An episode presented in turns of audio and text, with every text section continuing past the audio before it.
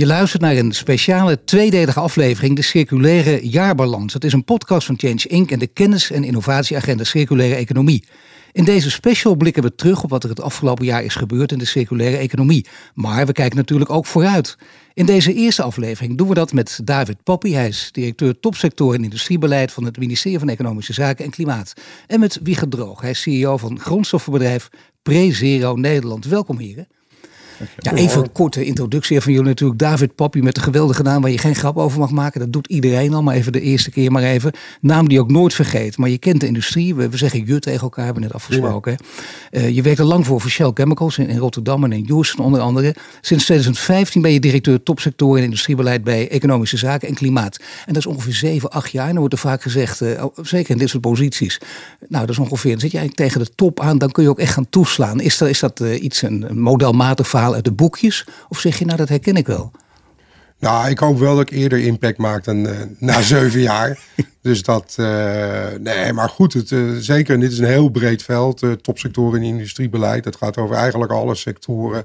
Heel veel over innovatie en de grote transities waar we vandaag ook over hebben. Bijvoorbeeld circulaire economie. Maar ja, ik denk al voor ze toen je begon, in 2015 had je het ook over de grote transities. Maar toen was het toch nog, ook al was er van alles aan de hand, leek het me iets theoretischer dan nu. Hè? Met die opeenstapeling van crisis en mensen voelen het allemaal eh, direct om zich heen. Bedrijven hebben het, iedereen heeft er direct mee te maken en praat er ook veel meer over.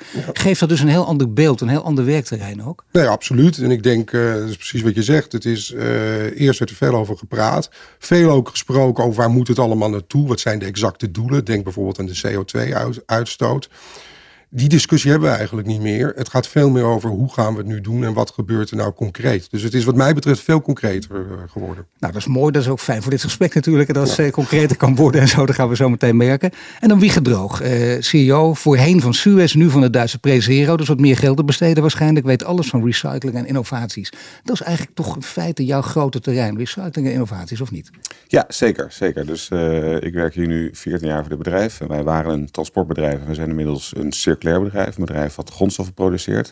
En die transformatie, transitie vormgeven en daar een rol in spelen in de circulaire economie, dat is natuurlijk fantastisch. Ja, tuurlijk. Maar dat was al fantastisch. Maar dat is nu, uh, ik bedoel, buiten de onprettige zaken die ook spelen, maar gewoon puur vakmatig gezien, dat niemand zich voor het hoofd gestoten voelt. Maar daarom zeg ik het er maar even bij, is het veel interessanter lijkt mij nog. Zeker, nee, zeker. We zijn relevant geworden. Hè? En uh, uh, een bijdrage leveren aan oude afvalstromen circulair maken is natuurlijk boeiend. En daarmee zie je dat je echt een verhaal te vertellen hebt en ook kunt verbinden. En verbinding is wel nodig om circulaire economie uiteindelijk vorm en inhoud te geven. En wie moet je met elkaar verbinden? Nou, bijvoorbeeld de topsectoren. Uh, wij waren natuurlijk vroeger puur een afvalbedrijf en dan werden we een beetje met de nek aangekeken. Inmiddels zitten we, zijn we de, en ik denk de verbindende schakel tussen de partijen die het afval aanbieden en de partijen die wil vragen. En daartussenin zitten wij.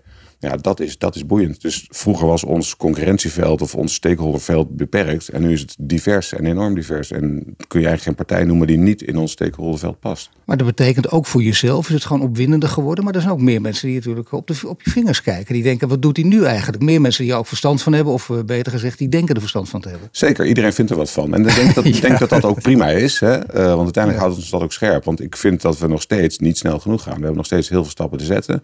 En ja, er gebeurt wat. Er is beweging, maar we praten nog steeds over CO2-uitstoot.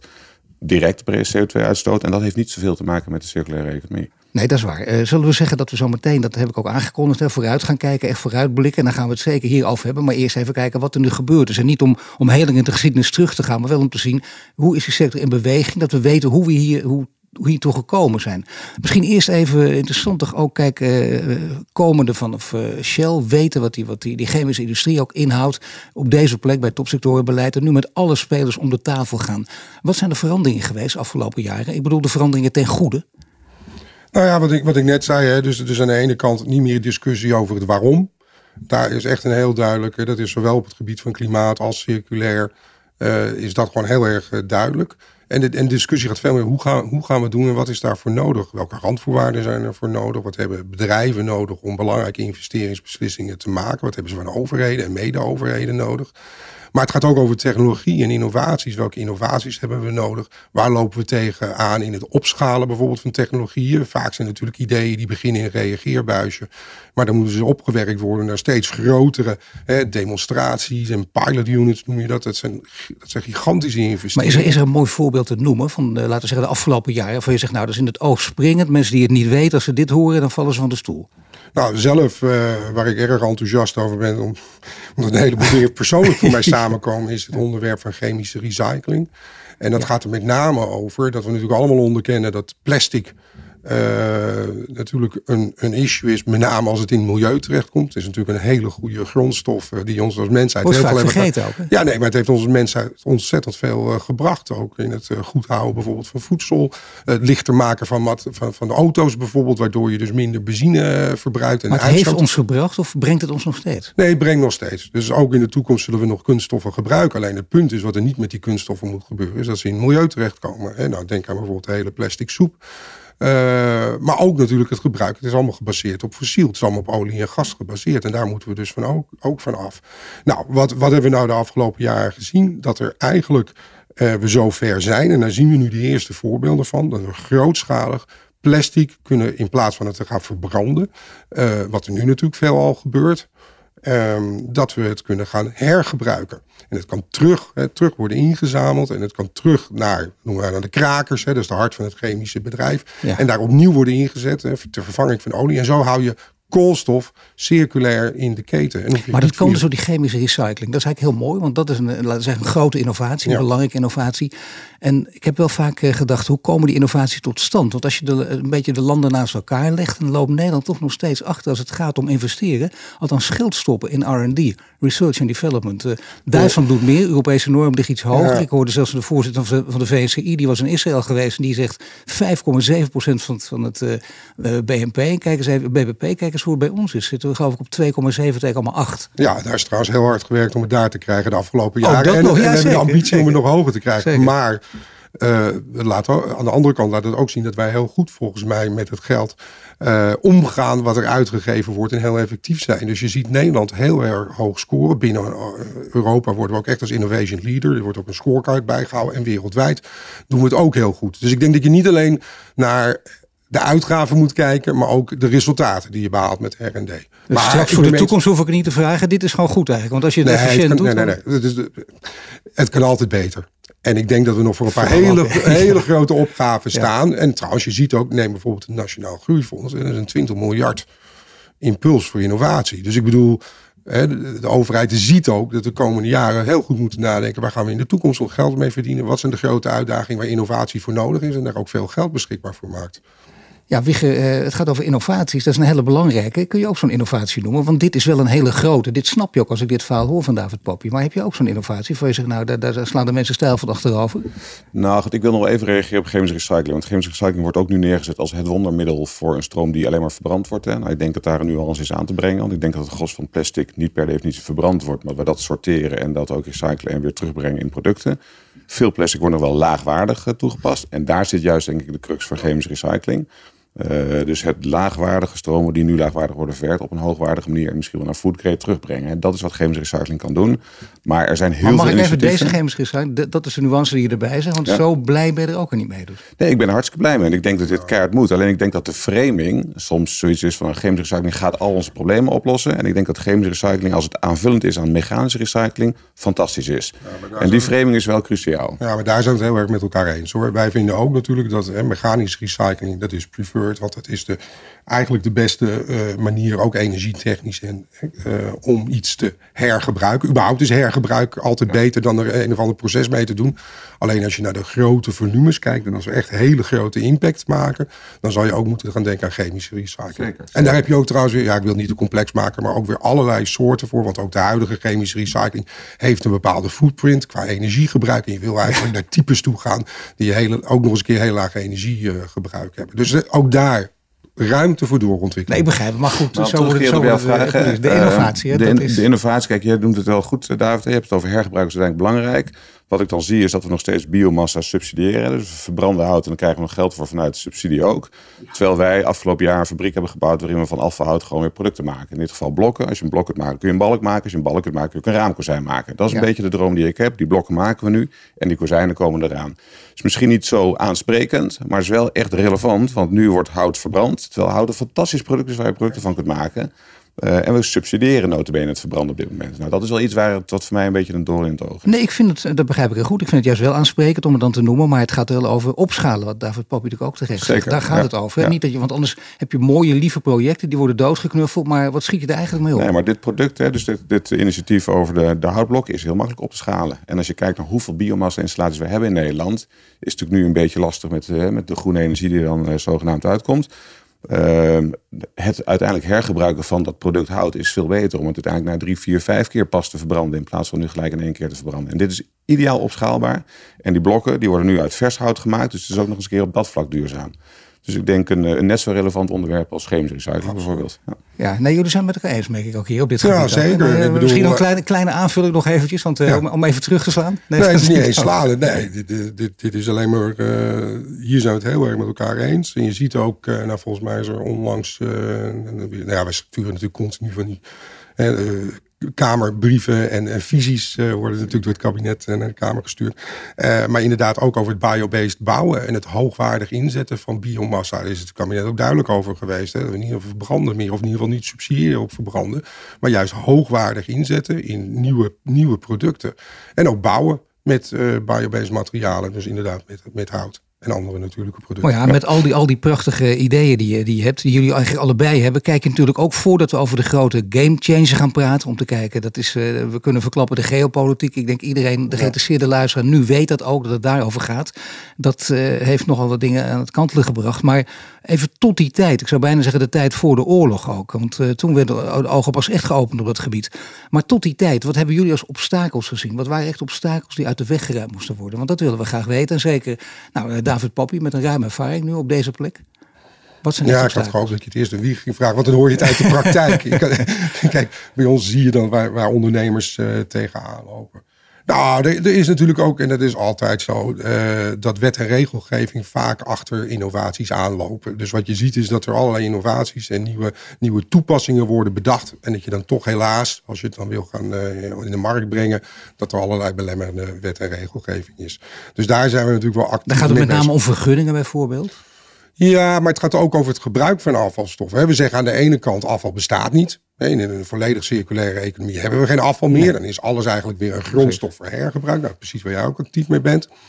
Maar in de praktijk zie je dat er nog best een heleboel, en terecht ook, wet en regelgeving is. Omdat je zegt van ja, in bepaalde toepassingen is het misschien niet zo veilig om X, Y, Z te doen. Maar in al die jaren heb je te maken met die bedrijven. En dat zijn, er levert ook prachtige interviews op. Ik vind het ook geweldig. En dan heb je een mopperende ondernemer, die begrijpen ook allemaal. Aan de andere kant, ja, zonder wet en regelgeving kan het ook weer niet. Per definitie loop je achter, dat weten we ook.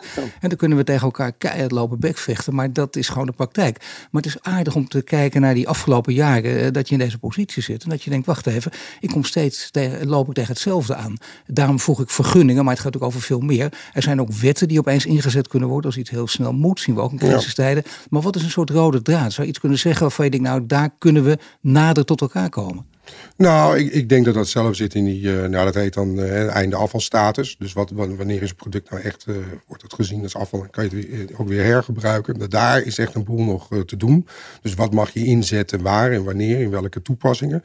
En daar zie je ook dat bijvoorbeeld daar verschillend door verschillende omgevingsdiensten over wordt gedacht. Dus dat geeft soms ook nog wel eens spanning. Ja.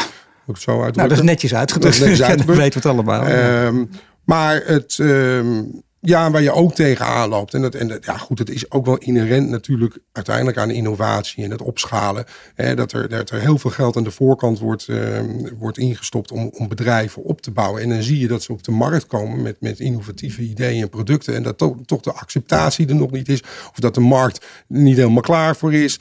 Of dat er niet bijvoorbeeld voldoende toezicht wordt gehouden dat bepaalde stromen uh, niet meer in uh, afvalverbranding of in de export terechtkomen, maar worden ingezet om te herverwerken. Dus je ziet daar af en toe nog wel, ja, wij noemen het een chic marktfalen. Uh, maar dat heeft ook te maken met de wil en de wet en regelgeving om te zeggen, kijk, er is nu een alternatief. Gebruik het dan ook. Zet dan die, die, en, en dan zie je dat, ja, dan kan je een prachtige businessmodellen maken, maar als de als de, de, de, de, de grondstoffen, de nieuwe grondstoffen, niet terugkomen bij de, bij de fabrikanten die het moeten gaan herverwerken, ja, dan, dan, dan gaat het niet vliegen.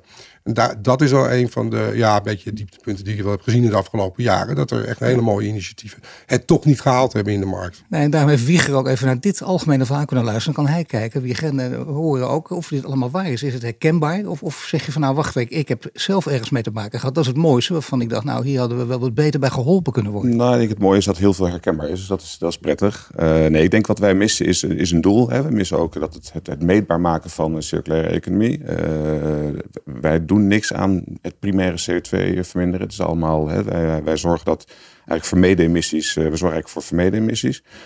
Um, dat is denk ik een uitdaging. Tegelijkertijd zie je inderdaad dat heel veel systemen, zoals de UPV's, in de markt zijn gezet om te zorgen dat afval uit de markt wordt gehaald en omgezet wordt in een secundaire stroom. Maar dat is maar één stuk. Er is nooit gekeken naar het verdere verloop in de markt. Dus er is een, er is een enorm aanbod gecreëerd van secundaire grondstoffen. Alleen de vraag was niet daar. En dan denk ik ook wat jij, wat jij bedoelt. Tegelijkertijd wat wij ook zien is dat we op een aantal vlakken inderdaad van afvalstromen grondstoffen of producten maken die inderdaad tegen zo'n einde afvalstatus aankomen, aan, aanlopen, waardoor je het eigenlijk niet kunt toepassen, hè, waardoor je het niet kunt verkopen als een product, want het is in de afvalstatus. Nou, dat zijn discussies die we gelukkig wel ook met het ministerie hebben. Uh, maar het echt omzetten naar, oké, dan is het een, een einde afvalstatus, is, is ingewikkelder gebleken. En dat kost heel veel tijd en kan soms op letterlijk op vinkjes in een document wat, wat, wat je niet kunt zetten, kan het hangen.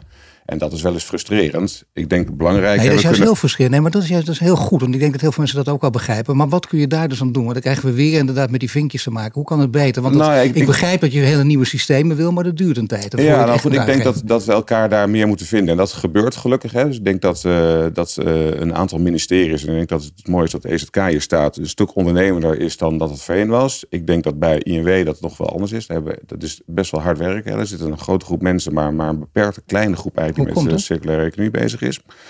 Ik denk dat uh, de budgetten die verdeeld worden, die worden niet per definitie doorgeschoven naar, naar INW, uh, denk ik. Uh, dus INW is, is, is vrij krachteloos, laat ik het daarop, laat ik het daarop houden. En ik denk ja, dat, ja, dat is niet leuk om te zeggen, maar die, die begrijpt dat wel natuurlijk, dat Wieger dit zegt. Nou, niet, niet, niet alles, maar ik herken het, ik herken het wel. Ik ga er ook niet helemaal commentaar op geven. Ik vind wel, en dat, dat kan je ook gewoon kijken, is wat dat voor circulaire economie, er is wel geld maar het staat niet in verhouding op het moment tot bijvoorbeeld uh, voor de klimaatopgave. Als je dus daar naar kijkt. Dan, dan, dan nee, maar het gaat ook altijd over natuurlijk over, over de regeringsverklaring. En kijk eens even wat erin staat. Eenmaal, elk interview komt er wel een keer voorbij. Dus het kan hier ook niet onbesproken blijven. Klimaat heel vaak en dan één keer het woord circulair. Ja. Nou ja, maar daar, daar begint het al mee. Dus laten we zeggen over vier jaar. Misschien valt het kabinet sneller wat sommigen denken. Over twee jaar bijvoorbeeld. Dan staat het er heel vaak in. Dan zien we het woord circulair tien keer terugkomen. Is dat de kant die we Ja, ik denk, ik denk zelf dat als, als je naar, naar, naar, eh, naar alles kijkt wat er wordt uh, geschreven, wat ik net al zei, en aan visies en documenten ligt, wordt, wordt heel veel aandacht gegeven aan circulair. Dus ik denk niet dat het een gebrek aan aandacht is. En ik geloof ook dat het echt wel diep is uh, ingedaald. Uh, dat circulair en klimaat hand in hand gaan. Het is niet precies behalve toch in een regeerakkoord. Dat is toch heel raar dat het er maar één keer in genoemd wordt? Ja, ik, nou, dat was voor ons ook wel uh, uh, inderdaad een. Uh, dat had meer gekund, denk ik. Maar het is niet eens of hoe vaak je wordt genoemd. Het is denk ik nog belangrijker qua. En, en wat voor bijvoorbeeld middelen zitten er dan bij. Hè, dat is nog belangrijker. En, en nogmaals, er is, er is best veel geld. ja, ik praat allemaal over tientallen miljoenen en zo. maar ik denk ook dat. Uh, hè, waar we mee bezig zijn. En, en er gebeurt ook heel veel, want het is ook slim combineren. Het is niet al. Hè, kijk, circulaire economie kan je denk ik ook niet helemaal van alles loszien. Het gaat er veel meer in dat we, dat we waar we beleid maken, eh, circulaire economie steeds eh, voorop uh, houden om na te denken over van hoe gaan we dit nou aanjagen? Want het is niet altijd ook een kwestie van geld. En dat was nog een punt wat ik ook nog wilde noemen. normeren bijvoorbeeld. dus bijvoorbeeld met z'n allen afspreken. We willen, je, je, wil bijvoorbeeld dat er een bepaald. Net zoals je bijmengverplichtingen hebt, nu bijvoorbeeld in, eh, in brandstoffen. Eh, kan je je ook kunnen denken aan bijmengverplichtingen rond bijvoorbeeld uh, gerecycled materiaal. Sterker nog, wat nog mooier is, in plaats dat overheden dat gaan doen, is als uh, we noemen dat brand owners, hè, de hele grote bedrijven die bijvoorbeeld shampooflesjes maken en die gewoon publiekelijk zeggen in jaar X, nou, ik zeg nu mijn hoofd 2025, maar willen wij bijvoorbeeld dat al onze shampooflesjes uit gerecycled materiaal uh, bestaan. Ja, dat geeft een geweldige impuls natuurlijk aan zo'n hele keten. Dan hoef je als overheid wat dat betreft, nou ik wil niet zeggen niks aan doen, maar toch een stuk minder. En dat is eigenlijk nog beter, want dan komt het echt uit de markt. En je, dat soort bewegingen zie je nu echt gebeuren. Nee, dat begrijp ik heel goed. Ondertussen ook het compliment dat ik in ons mogen nemen van wie gedroogd, dat economische zaken en klimaat in ieder geval ondernemer is geworden. Is dat iets wat je zelf ook ziet? En, en hoe komt het dan? Nou, ik, ja, dat vind ik moeilijk te zeggen. Kijk, nou, je ziet het zelf ik, zit, ik zit zeven jaar. Ik vind in die zeven jaar. Ik heb de voorgeschiedenis niet om, om te zeggen. Oh, vroeger was het allemaal anders. Dat geloof ik niet. Ik denk waar, waar, waar, waar wij in economische zaken in ieder geval en klimaat trouwens, uh, waar wij gewoon, um, ja, durf wel te zeggen, goed in zijn. Of in ieder geval wat wij. Uh, en dat is ook het hele topsectorenbeleid van die publiek-private samenwerking. Dat zit heel diep bij ons. Dat uh, we dat niet allemaal in die ivoren toren moeten bedenken. Dat we dat echt samen met kennisinstellingen en uh, ondernemingen, uh, het bedrijfsleven, samen ehm, nou, nieuwe innovaties ja, Ik denk vaak, waarom wordt het niet veel meer van de daken geschreeuwd? Want inderdaad, als je in internationale gezelschappen zit, dan hebben ze het niet helemaal in de gaten. Maar één ding wel, als het uitgelegd is, publiek-privaat, hé, hey, dat is Nederland. Ja, dat, zijn we redelijk waar, dat zouden wij ook moeten doen. Ja, daar zijn we echt redelijk uniek in. En je ziet het ook in landen om ons heen, sorry, die, ja, die kijken best met, uh, met enige jaloezie naar hoe we dat in Nederland doen. Ja, goed, dan kom je natuurlijk weer met afgezaagde. We zijn zo goed in polderen met elkaar. Maar, maar ja, dat helpt wel. En, en dat zie je in dit soort, uh, met dit soort ook ingewikkelde Nee, het is heel mooi die polderdiscussie. Inderdaad, het hangt er een beetje van af. En als het een, uh, een columnist hier op de heupen heeft en die denkt, ik ga er eens op, op schelden. Dan komt het altijd heel mooi uit natuurlijk. Maar je kijkt naar de praktijk, wat het is. Je kijkt ook vaak hoe buitenstaanders hier naar kijken. Andere landen. En dan wordt het meestal geprezen, of niet, liggen. Ben je ook blij met dat model, publiek-privaat? Denk je ook dat we daarin uitblinken? Uh, ik denk dat het ons op een aantal vlakken helpt. Ik denk ook dat het niet per definitie op alle vlakken helpt. Ik denk dat uh, het publiek uh, versus het private domein, ook in de afvalsector en de grondstoffensector, ook hier en daar wel een soort voor tegenstellingen. wat ons juist niet helpt. dus ik, ik, Kun je een voorbeeld geven waar het niet helpt? Nou ja, goed, als je kijkt, als je, als je praat over uh, een, publiek, een, publiek, een publiek bedrijf wat ook privaat actief is, hè, want dat zijn natuurlijk ook uh, bedrijven die per definitie een PPS-constructie van publieke bedrijven die samenwerken met private bedrijven, maar je hebt publieke bedrijven die ook private activiteiten uh, ontwikkelen. Dat maakt het wel ingewikkeld, want dat maakt het beduidend minder transparant over hoe wordt nou je geld verdeeld, worden je lasten verdeeld en concurreer jij op een nou, zeg maar juiste wijze ook in de private markt. Nou, dat zijn dingen waar wij wel tegenaan lopen. En dat is wel, dat is wel nou ja, dat vind ik een heel mooi obstakel. Want dat, is, uh, dat, is, uh, dat treft dan gewoon dat we David Papier hebben. Want die, die denkt, ja, dat is makkelijk op te lossen, of niet? Of blijft dit gewoon toch wel een probleem? Ja, voor, voor mij is dat publiek-privaat, is, dat wil niet zeggen het is een containerbegrip, maar het is natuurlijk, het heeft allerlei vormen. Ja. Publiek-privaat. En, en, zo kwamen we eigenlijk op de vraag van uh, hoe is EZK een ondernemer? Wat we in ieder geval goed in zijn, is gewoon met buiten, zeggen we altijd. Maar in ieder geval met bijvoorbeeld uh, ondernemers, bedrijfsleven, kennisinstellingen goed samenwerken. En die samenwerking en samen nadenken kan gewoon vele vormen. Dat kunnen inderdaad in ronde tafels praat, uh, met elkaar praten. Maar het kan ook letterlijk zijn, bijvoorbeeld in consortia. En ik denk dat je daar meer op doelt. En dat zie je bijvoorbeeld in de topsectoren. Dat er bijvoorbeeld consortia worden gevormd. Waar bedrijven en kennisinstellingen uh, samen gaan innoveren dan wordt het soms wat ingewikkelder. Hè? Want dan gaat het inderdaad over zaken van, uh, van wie is nou eigenlijk die kennis? Hoe verdeel je dat nou? Wat draagt iedereen nou bij? Kan iedereen nou wel goed meekomen daarmee? Is het altijd wel helemaal helder wie er allemaal meedoet? Dus ik, ik, ik herken een gedeelte daar wel van. Ja, ja maar is dat ook te veranderen en te verhelpen? Nou ja, Want daar gaat het over. Hoe kun je dat dan verdelen? Dat is ook heel erg lastig. Van wie is het eigenlijk? Wie is eigenaar ook? Ja, maar dat is denk ik de keuze. Of je, kijk, je hoeft niet in consortia te werken. Dus je hebt natuurlijk als ondernemer altijd vrije keuze om het ook zonder te doen. Je doet dat omdat je denkt dat dingen dan sneller gaan. Ja, en daar horen soms wat ingewikkelde afspraken dan. Oh, ik weet niet eens of ze zo ingewikkeld zijn. Maar daar horen dan gewoon aan de voorkant wat afspraken mee. Van, goh, hoe verdelen we nou eigenlijk de koek? En daar, daar, is natuurlijk heel veel jaren ervaring nu ondertussen mee. Dus ik denk dat die consortia ook het probleem niet zo zijn. Hoor. Ik denk dat als een consortia bestaat uit een publiek bedrijf en een privaat bedrijf... en die blijven allebei bij hun eigen lezen, is dat meer dan prima en werkt dat ook. Zodra een publiek bedrijf ook privaat actief gaat worden... dus op dezelfde eh, sector bijvoorbeeld... we hebben bedrijven die eh, publiek inzamelen, publiek bedrijf zijn... maar daarnaast ook een privaat bedrijf starten om privaat in te zamelen. Nou, dat wordt wel vermenging van rollen, vind ik. En dat is wel iets wat echt actief is in onze sector. Dat is wat anders dan de consortia. En ik denk dat dat prima werkt. Ik denk dat dat daar echt wel eh, in Nederland eh, echt wel voorop lopen. Het vermengen van de businessactiviteiten aan zich in je eigen bedrijf vind ik wat ingewikkelder. Maar goed, dat is misschien een ander onderwerp voor een, voor een later moment. Nou ja, dat is goed. Dat zegt, die heb ik mentaal even opgeslagen, want dat kan inderdaad een, een leuke nieuwe tafel opleveren. Maar we zijn nu ongeveer halverwege dit programma. En ik heb beloofd, we gaan ook vooruitkijken. En dat doen we ook omdat er een grote game changer is geweest, de oorlog. En daarmee ook uh, heel veel negatieve dingen natuurlijk, maar misschien ook positieve in de zin van er wordt nu meer transparantie gegeven op bepaalde gebieden. We weten nu meer wat er aan de hand is. Uh, de mensen die roepen om versnelling, zullen die versnelling al gaan krijgen. En ik heb het keurig op elkaar gezet, dan zeg ik het zelf achter elkaar zo. De nieuwe wereld waarin Nederland niet meer moet kijken naar continentale opsluiting door Duitsland en Frankrijk, wat we altijd deden. Wat doen de Duitsers en de Fransen? Wij als klein landje met open economie komen er nog bij. Maar we kijken nu door de oorlog en de geopolitieke ontwikkelingen, kijken we gedwongen naar Europees samenwerken. Dus Europees strategisch autonoom zijn. We kijken naar de staatsbedrijven van China, we kijken naar de, het energie-imperium Rusland en we kijken naar de tech-giganten in Amerika. En de grote gamechanger is dan de geopolitiek. Nou, wat hopen jullie tegen de achtergrond van deze nieuwe situatie met preseren? Wat hopen jullie daar te bereiken? Nou, ik hoop uh, in eerste instantie ook versnelling te krijgen in, in de markt zelf. ik ben ook wel geschrokken eigenlijk dat wij, als je kijkt naar de energietransitie waar we nu over praten, ja. uh, dat die pas in beweging is gekomen op dit moment. Hè. Nu alles drie, vier keer zo duur is geworden, dan schrikken we met elkaar wakker en dan gaan we echt acteren. Eigenlijk zijn we te laat. Uh, en ik ben een beetje bang dat het op circulaire economie ook zo ver moet, moet komen dat we echt geen grondstoffen meer hebben, dat we dan pas echt gaan acteren. Dus ik hoop dat we een enorme les trekken uit wat er nu gebeurt rondom de energietransitie en rondom de energieschaarste die er is.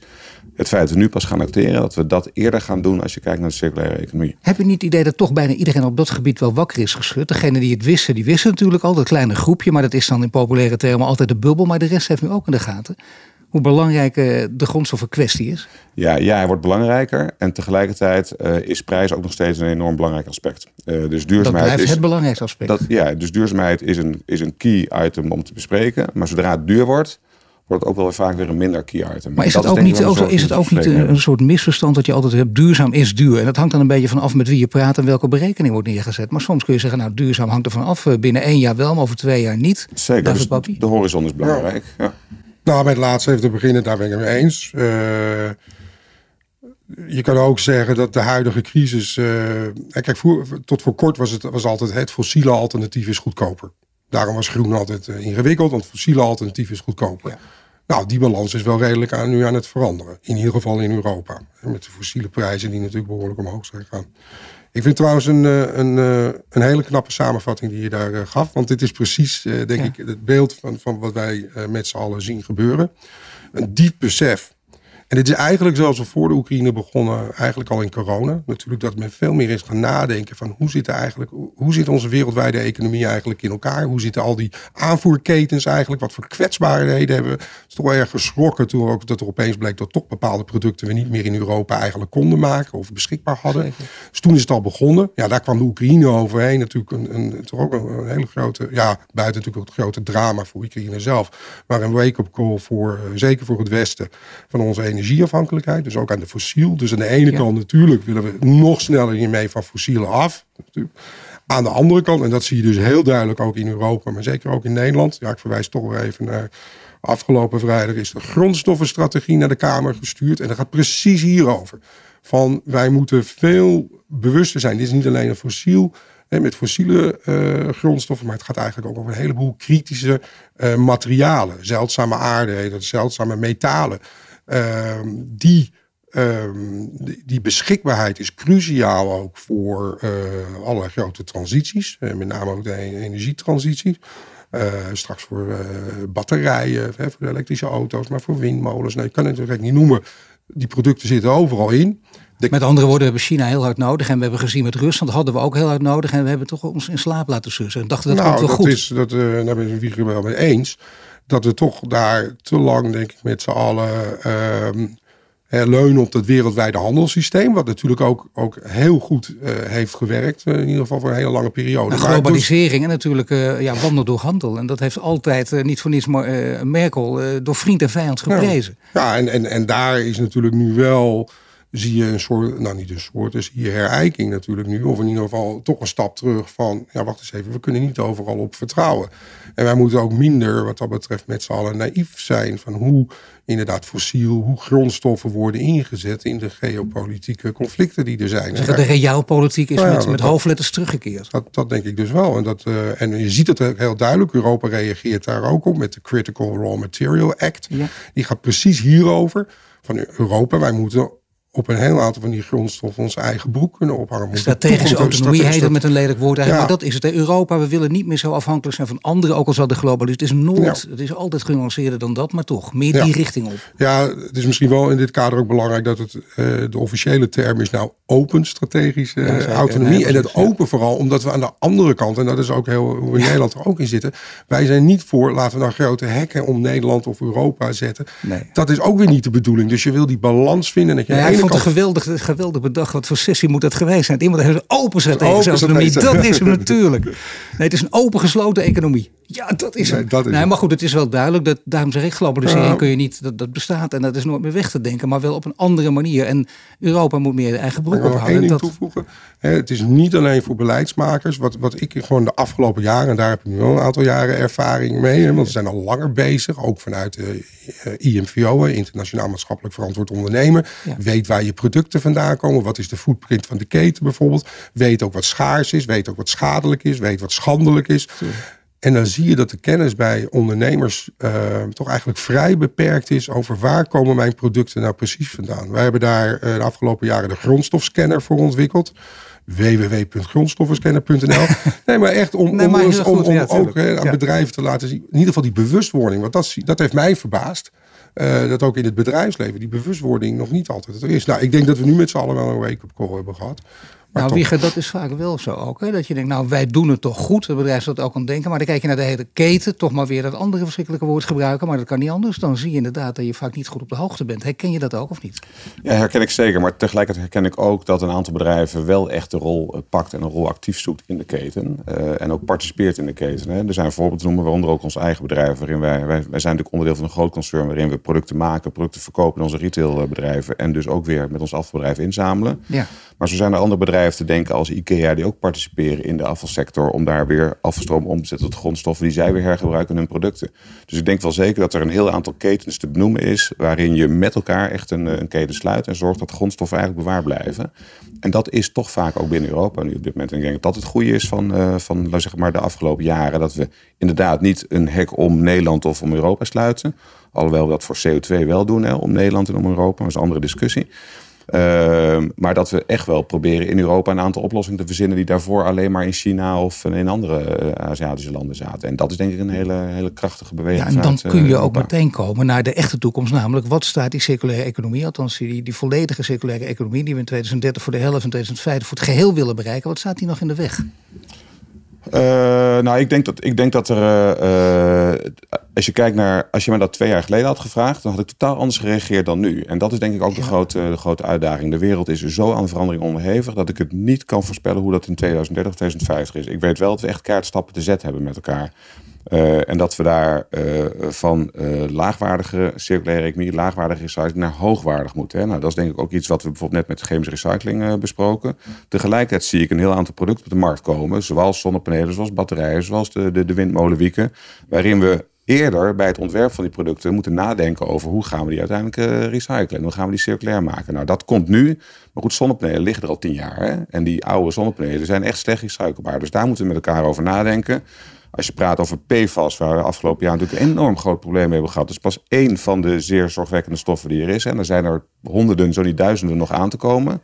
Nou, dat zijn stromen. Wacht even, we krijgen nog, uh, nog 30 stikstofdiscussies in het verschiet. Nou ja, kijk, stikstof is een andere uh, drempel. Die, kijk, als wij een fabriek willen bouwen straks om die zonnepanelen te gaan recyclen, dan kan dat niet. Want met het bouwen en het neerzetten van een fabriek hebben we stikstof. Dus, dus stopt dat. En dan zijn we, zie ik overal in Nederland vlaggen hangen bij boeren. En dan denk ik, goed, dan denk ik daar wat van, laat ik het zo zeggen. Nou, zeg maar wat uh, nou ja, goed. Ik, ik, ik, denk dat er vele andere sectoren zijn die nog zwaarder getroffen worden door dat stikstof, uh, die, die discussie dan. Ook, uh... nou, ook de industrie. Weet je, als wij met elkaar echt stappen willen zetten in de circulaire economie en vervolg fabriekinstallaties willen bouwen om echt iets circulair te maken, dan kan dat niet. Dan zitten we vast in een stikstofdiscussie, bijvoorbeeld. Nou, dat is interessant dat je zegt dat je daar twee jaar geleden heel anders op geantwoord had. Het geeft al aan dat die tijden totaal veranderd zijn. Zeker. Weer in korte tijd, over versnelling gesproken. Ja. Maar dan is het heel belangrijk om te weten, wat doet de overheid of niet? Zeker. Uh, en tegelijkertijd uh, uh, is de overheid altijd, loopt, lopen zij een stap achter. Hè? En dat is ook logisch, want de wereld verandert en dan moet er wetgeving komen of dan moet er actie komen. Dus ik vind ook dat wij vooral ook naar onszelf moeten kijken. En natuurlijk probeer ik de overheid een hand te geven en zeggen: kunnen we met elkaar een aantal dingen in beweging brengen? En gelukkig gaat dat ook steeds beter om die hand met elkaar te pakken. Maar we zullen ook naar onszelf moeten kijken. En als wij wachten totdat de overheid zegt: je moet een product of een verpakking moet voor 100% uit recyclaat bestaan. Ja, weet je, dan, dan zijn we te laat. We hebben een aantal voorvechters nodig, een aantal partijen nodig die zeggen: we gaan het gewoon doen. Ja, maar jij zegt in interviews ook al eens, ja, je kunt niet wachten op wat uh, de, de Unilevers van deze wereld doen. Je hebt juist de overheid ook nodig. Dat wil ehm, zeggen, het subsidiegeld. Nou, ik zeg in interviews vaker dat wij het zelf moeten, moeten oppakken in plaats van op de overheid moeten wachten. En ik heb ook Unilever, hè, Unilever zijn een aantal jaar geleden, wij gaan voor uh, onze verpakking moet volledig recyclebaar zijn. Ik zeg, ja, dat is echt een, een, een cool statement. Want onze verpakking moet niet volledig recyclebaar zijn. Onze verpakking moet volledig gemaakt zijn uit recyclaat. Dat is een totale andere uh, phrasing, maar het scheelt maar twee woorden. Uh, maar de inhoud is, is, is wel degelijk van, uh, van, van verschil. Nou, dat is wat we met elkaar te doen hebben. En ik zie dat als je die discussie aangaat en ook af en toe een beetje scherp neerzet, dan gaan partijen als de onze, maar ook de Unilevers gaan veranderen en nemen een andere insteek. En dat zie ik gebeuren. En dat is fijn. En ik hoop dat daardoor de overheid nu ook gaat zeggen: Nou, wacht even, een verpakking. Ja, jongens, dat kan gewoon niet meer. Dat moet volledig uit recyclaat bestaan. Of dat moet voor een x-percentage uit recyclaat bestaan. En die discussie, nou goed, daar zijn we meer en meer toe in staat met elkaar. En dat is denk ik een win. Ja, die discussie, dat klopt. En die is ook opgepakt. Of die pakken jullie op? Nou, ik weet dat ook vooral de collega's van, uh, van INW hier natuurlijk over bezig zijn. En die gaan natuurlijk deze, veel van deze. Ook hebben ze dan wat minder geld te besteden, maar toch, eh, ze snappen uh, wel dat je, deze handschoen moet oppakken, heeft er niks mee te maken. Nee, en daar heb je ook geen geld voor nodig, want nee, dat gaat inderdaad wat voor afspraken gaan we maken. Ehm, dus, dus ik, nee, dat, dat, dat zie ik ook zo. Ehm, we hadden het al eerder, normeren, beprijzen, marktcreatie. Uh, het aanmoedigen, maar inderdaad ook inzetten op de innovatie waar we het al, innovaties waar we het al eerder over hadden. Nou ja, en geld geven aan wat jullie ook doen aan de bouw, de consumptiegoederen, de maakindustrie. een woord dat ook bij veel mensen eigenlijk van het netvlies was. Terwijl je denkt, nee, dat is ongelooflijk belangrijk. Wordt alleen maar veel belangrijker, zeker voor Nederland ook. Daar kun je op inzetten. Doen jullie ook met, met subsidies, met flinke subsidies. Moet dat nog veel meer worden of gaat dat meer worden in de toekomst? Nou, dat kan, dat kan ik niet voorspellen. Uh, ik denk het wel. Ik, ik, kijk, ik denk het wel waar we het al eerder over hadden, van als je ziet wat er nodig is en de ambities die er zijn en ook de uitdagingen die er liggen, dan moet het allemaal sneller en meer en groter. Je zei het zelf ook al, niet te veel niche, kleine dingetjes. Nee, dat gaat echt over grote materialenstromen, grote toepassingen, eh, nieuwe markten. Eh, maar er liggen ook een paar hele grote uitdagingen. En daar moeten we ook met z'n allen eerlijk over zijn. We gebruiken een aantal grondstoffen uh, uit, de, uit de aarde. Ja, die niet 1, 2, 3 zo te vervangen zijn. Uh, hebben zelf chemicus van huis uit. Je kan een heleboel bedenken. Uh, maar het is niet altijd even makkelijk. Dus dat moeten we ook niet onderschatten. Maar wat is dan precies niet even makkelijk? Nou, kijk, er worden bepaalde. Ja, je kan namen gooien, maar, maar gallium, iridium. Dat zijn allemaal van die, van die producten die waarschijnlijk niemand uh, kent. Maar dat zijn hele belangrijke componenten die eindig zijn. Er is maar zoveel zit er in de, in de aardkost. Uh, nou, de circulaire economie gaat natuurlijk over... A, kunnen we überhaupt proberen met veel minder uh, materiaal toe. Uh, maar het gaat ook over, zijn er alternatieven... Ja. die, die, die, die beter inzetbaar zijn. En het ontwikkelen daarvan... Nou, daar gaan bijvoorbeeld ook die kennis- en innovatieagenda's over. Hè, van bijvoorbeeld van de topsectoren rond circulaire economie. Van zijn, kan je, en, en ook, jij noemde al, producten als uh, nog een andere categorie, maar bijvoorbeeld PFAS. Maar er zijn ook een heleboel schadelijke stoffen die momenteel toch nog in productieprocessen worden gebruikt. Kunnen die vervangen worden? Daar al jaren over bezig. En dat is, dat is heel ingewikkeld om, om echt grootschalig dat te doen, om die alternatieven te, te ontwikkelen. Dus er is inderdaad, zal er gezamenlijk, en dat is niet allemaal van de overheid, maar ook met het bedrijfsleven, zal daarin geïnvesteerd uh, moeten worden. Nou ja, er zal in geïnvesteerd moeten worden. Maar dat betekent ook bedrijven, ook zelf, waar ze kunnen het voortouw nemen. Wie gaat dat zei je net zelf ook al. Er zijn er wel een paar dingen uh, die je wil. Je wil versnelling hebben. Dus als het gaat over vergunningen. Je hebt, we eh, hebben gezien bijvoorbeeld ook een crisis- en herstelwet. Als je iets anders snel doorheen wil voeren, dan kan dat wel. Op bepaalde momenten die kun je inzetten. Noodwetten kunnen ingezet worden. Mensen verwijzen ook tegenwoordig steeds naar die NRG-terminal. Kijk eens even. Normaal is het over acht jaar. Het kan opeens in één jaar. En dan lijkt het alsof dat een blauwdruk is voor alle anderen. Dat is natuurlijk ook weer niet. Maar toch, als je wil, als er een grote wil is, kan het ook veel sneller. Ontbreekt het nog aan, dan die wil? Uh, nou, ik denk dat die wil steeds meer aanwezig is. En ik zie die ook, uh, ook op het stikstofdomein, waar je af en toe met. Kijk, ook lokale overheden uh, zit, herkennen dat ze volledig vastzitten in dat soort domeinen. Hè? En dat ze vastzitten door een aantal uitspraken die een rechter gedaan heeft. En proberen daar echt wel wat ondernemer in te zitten. Maar dat blijft ingewikkeld. dus die wil is er wel. En dat is belangrijke stap één. En dan moeten we met elkaar kijken hoe die weg kunnen, kunnen plaveien en hoe we die deur kunnen openen. En dat, en dat gebeurt langzaam, maar we moeten gewoon, we moeten gewoon keihard sneller. en ik denk dat een aantal stromen die ook David noemt, Iridium is een, is een mooi voorbeeld. Ja, dat houdt gewoon op. Hè. Niemand weet dat. Maar ik ben echt bang van dat het straks er niet meer is. En dat we dan pas eh, ons realiseren van, oh wacht even, nu moeten we echt wat, wat gaan doen. En dat is precies zeg maar, de parallel die ik probeerde te trekken met de energietransitie pas in actie komen als het echt te laat is. Nou, dat moeten we echt voorkomen. Die les moeten we trekken uit wat er nu gebeurt. Nou, misschien de les trekken uit het onderwijs continu herhalen. Wat, wat jullie eigenlijk hier ook doen, dat voortdurend weer zeggen. Dat je denkt, ik heb het al een keer gezegd, dat doet er eigenlijk niet toe. Dat moet ook steeds. Wij hebben dat allemaal, ja. blijven in ons brein dat we het weer vergeten. Volgende uh, dingetje, dus uh, volgende vergadering. En we zijn vergeten wat in de vorige besproken is. Dus steeds herhalen van dit verhaal. Ja, en, en ook zien dat, dat uh, energie en circulariteit eigenlijk een, een, een samengesteld domein is. Hè? En dat zie je gelukkig in denk ik, een hoogtepuntje, maar toch dan te noemen in het CER-rapport. Dat is eigenlijk de eerste, een, een, van de eerste rapporten waarin je ziet dat dat, waarin ze zeggen dat het ja. onlosmakelijk met elkaar verbonden is. Uh, dan is het nog een beetje lastig dat klimaat bij het ene ministerie zit en circulaire economie bij het andere ministerie, denk ik. Uh, maar weet je, de stap is gezet ook door het CER-rapport. Ik denk dat dat een winstpunt is wat we ook moeten omarmen. En dan moeten we het met elkaar gewoon wel gaan organiseren. En dan is er nog één. Oh, ja, sorry. Nou, alleen even op dat laatste punt. Kijk, circulaire economie. Kijk, de coördinatie, ja, gaat over het Haagse, de coördinatie ligt bij INW.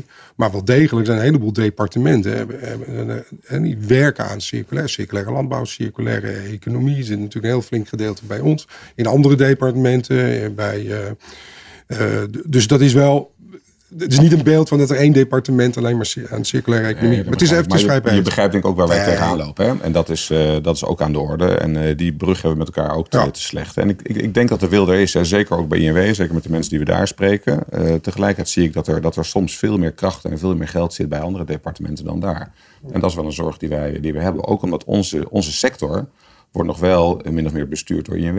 En, uh, en alles wat wij willen en waar we tegenaan lopen, hebben we met INW te bespreken. Ja. Uh, en gelukkig betrekken we jullie. We praten nu met de EZK, hè, dus dan maakt het ja, En daar nee, goed, we, die betrekken we gelukkig ook steeds vaak bij die discussies. Misschien één punt reageren op ik juist want inderdaad, dat horen wij natuurlijk juist met name in, het, in, de, in de energietransitie, in de hele verduurzaming bijvoorbeeld van de industrie, waar ik heel actief mee bezig ben. En natuurlijk die roep van, hè, ja, moeten, moeten we niet uh, allerlei crisis- en herstelwetgeving, uh, moeten allerlei dingen doorbreken. Uh, dat, dat, dat, dat zien we natuurlijk aan de ene kant ook. En we zien er goede voorbeelden van hoe dat wordt verstandig wordt ingezet. Aan de andere kant wil ik er wel toch iets voorzichtig mee zijn van, kijk, we hebben bepaalde processen en procedures in Nederland ook met elkaar afgesproken. Juist ook vanwege draagvlakken. Mensen genoeg inspraak kunnen geven. En want dat zal natuurlijk super belangrijk zijn bij dit soort hele grote veranderingsprocessen. En daar hebben we het eigenlijk vandaag niet over gehad. Maar we zijn de consument. En, en jij en ik eigenlijk allemaal. Ik wou dat als grote vraag draagvlak natuurlijk. Transitie ja. houdt in verandering. Dat vinden ja. we allemaal lastig en zo. Je wil niet dat transitie revolutie wordt. Want uh, tijdens revolutie slaan mensen elkaar de koppen in. Dus het draagvlak is ontzettend belangrijk. Nou, ook handig om het in, in die context vaak te plaatsen. Denk ik ook vaak. Want dan denk je, oh wat vervelend die regeltjes. Maar daar zijn ze ook voor nodig. Dus dat, dat, dat speelt aan beide kanten. Nog één ding. En dat is de roep van de chemische sector natuurlijk. Voortdurend aan EZK ook. Alsjeblieft, let op één ding. Als we naar de minister gaan, dan roepen we ook altijd maar één ding. Hebben we wel drie woorden voor nodig, namelijk uitvoering, uitvoering, uitvoering. Oftewel, uh, wat we willen, laten we het ook alsjeblieft doen. En zorg dus ook dat er genoeg vakmensen zijn om het uit te voeren. Ligt daar nog iets om flink aan te morrelen, aan te sleutelen? Nou, dit, dit wordt ook breed, uh, breed onderkend. Uh, dat, dat de hele uitvoering, de realisatie van de, ja, ik noem het toch een behoorlijke verbouwing van Nederland, hè, die we met z'n allen gaan doen. Ja. Uh, dat daar echt heel veel energie en mensen en middelen voor nodig zijn. Vooral die mensen. Dat is echt, nou goed, dat, dat wordt overal natuurlijk gezegd. Dat zien we ook. Er is ook een aanvalsplan is er weer gepubliceerd. Hè, van, over hoe gaan we met deze schaarste in, uh, in de diverse sectoren, uh, hoe gaan we daarmee om? Want dat kan echt een van de grote uh, hoe je dat, hindernissen worden, showstoppers, obstakels. Als we dat niet adresseren, waar vinden we de installateurs? waar vinden we de technici? Waar vinden we de mensen die die fabrieken bouwen? Kijk, de kabel van de energietransitie wordt ook vaak genoemd. Ja, dus, als je dat, dus dat heeft echt, uh, en dat zie je ook in, en je ziet dat ook bijvoorbeeld in, nou, je ziet het in het topsectorenbeleid, maar je ziet het ook bijvoorbeeld in het, in het Nationaal Groeifonds. Al die voorstellen, die dus beginnen meteen al, dit is over innovatie en over toekomstige nieuwe technologieën en werkgelegenheid en waardecreatie nadenken. Er zitten allemaal ook bijvoorbeeld uh, paragrafen in van en wat ga je eraan doen om te zorgen dat je ook de juiste skills en de vaardigheden hebt. Dus dat is echt bij alles wat we doen zit dat er goed in. Wil niet zeggen dat het makkelijk allemaal op te lossen is. Dus daar wordt heel hard uh, wel aan gewerkt. Dus antwoord, korte antwoord is ja. Ik dacht ook niet over uitvoering. Nee, over zeggen uitvoering, uitvoering, uitvoering. Uh, met name zie je dat nu. Nou, ik kan even spreken. Mijn uh, gebied bij de verduurzaming van de industrie. Daar heeft nu net de ministers aangekondigd het nationale programma verduurzaming industrie, wat heel erg op de executie gaat toezien. Daar willen we echt versnellingen. Dat gaat inderdaad over die vergunningen, maar dat gaat ook inderdaad dat de infrastructuur tijdig wordt aangelegd, juist om te zorgen dat die bedrijven kunnen verduurzamen. En dat, dus dat wordt breed onderkend en daar zullen we echt slagen uh, moeten maken. Nou, het laatste antwoord is, is, laat zich eigenlijk lezen en horen en beluisteren ook. En dat treft heel goed als een soort kerst- en, en, en nieuwjaarstoespraak. In deze tijd praten ook met elkaar. Als we volgend jaar weer praten met deze prachtige ideeën die jullie nu hebben en vooruitzichten ook, dan, dan is er heel veel gelukt of niet? Dan praten, dan, dan praten we, laten we zeggen, in iets vrolijke termen misschien wel? Ik denk het wel, hè? Ja, dat denk ik wel. Ik bedoel, nee, maar we zien gewoon hele mooie dingen. Ik bedoel, niet genoemd. Maar als je bijvoorbeeld de afgelopen jaren alleen al kijkt aan de investeringen die zijn aangekondigd op het gebied van circulair. Serieuze bedrijven op het gebied bijvoorbeeld van plantaardige eiwitten en vleesvervangers. Uh, op, het, op een heleboel op het recycling. We hebben een hele, hele grote aantal grote investeringen gezien. Op uh, bioraffinage, gigantische investeringen in het Rotterdamse. Uh, waterstof, nou ik weet niet of je helemaal circulair, maar toch wel per nieuwbare energie de grootste fabriek ter wereld wordt in. in Energie dragen in ieder geval waterstof, hè? dat is geen ja, bron, maar toch voor de duidelijkheid. Ja, maar dat is tuurlijk. Nee, tuurlijk. Dus, dus, dus nee, ik, ik ben wat dat betreft wel, wel optimistisch. Zijn we er? Is het makkelijk? Nee, dat geloof ik niet. Maar ik geloof echt dat de energie erin zit en dat we hier gaan doorpakken met Ja, wie gedroog ook, ook zo optimistisch. Ja, dat denk ik ook. Dat denk ik ook. En ik denk ook dat het, uh, het mooie is dat uh, verschillende sectoren elkaar weten te vinden. En waar uh, toch ook de brug naar chemisch. Chemisch echt iets was van de chemische industrie en de recycling van de recyclingindustrie. Zie je nu dat de chemische bedrijven, ook de recyclingbedrijven samen laten we zeggen, dit thema omarmen en oppakken. En zien dat de recyclingbedrijven niet zonder de chemische bedrijven kunnen. Maar andersom, want die gedachte was er wel dat de chemische bedrijven ook niet zonder de recyclingbedrijven kunnen. En samen heb je die keten te slecht en samen heb je elkaar nodig om echt zeg maar, die stap naar hoogwaardigheid in te vullen. Even geen consortium dat, voor de duidelijkheid, het gaat echt om samenwerking. Het toverwoord van deze tijd. En dat geeft wel wat, uh, wat hoop naar, naar, naar volgend jaar toe, zeker. Ja. Goed. Heren, mag ik jullie hartelijk danken voor dit uh, uitgebreide gesprek met, uh, met mooie inzichten. Je luisterde naar de eerste aflevering van de Circulaire Jaarbalans. Dat is een podcast van Change Inc. en de kennis- en innovatieagenda Circulaire Economie. Binnenkort verschijnt de tweede aflevering, dus blijf ons kanaal in de gaten houden. Tot ziens.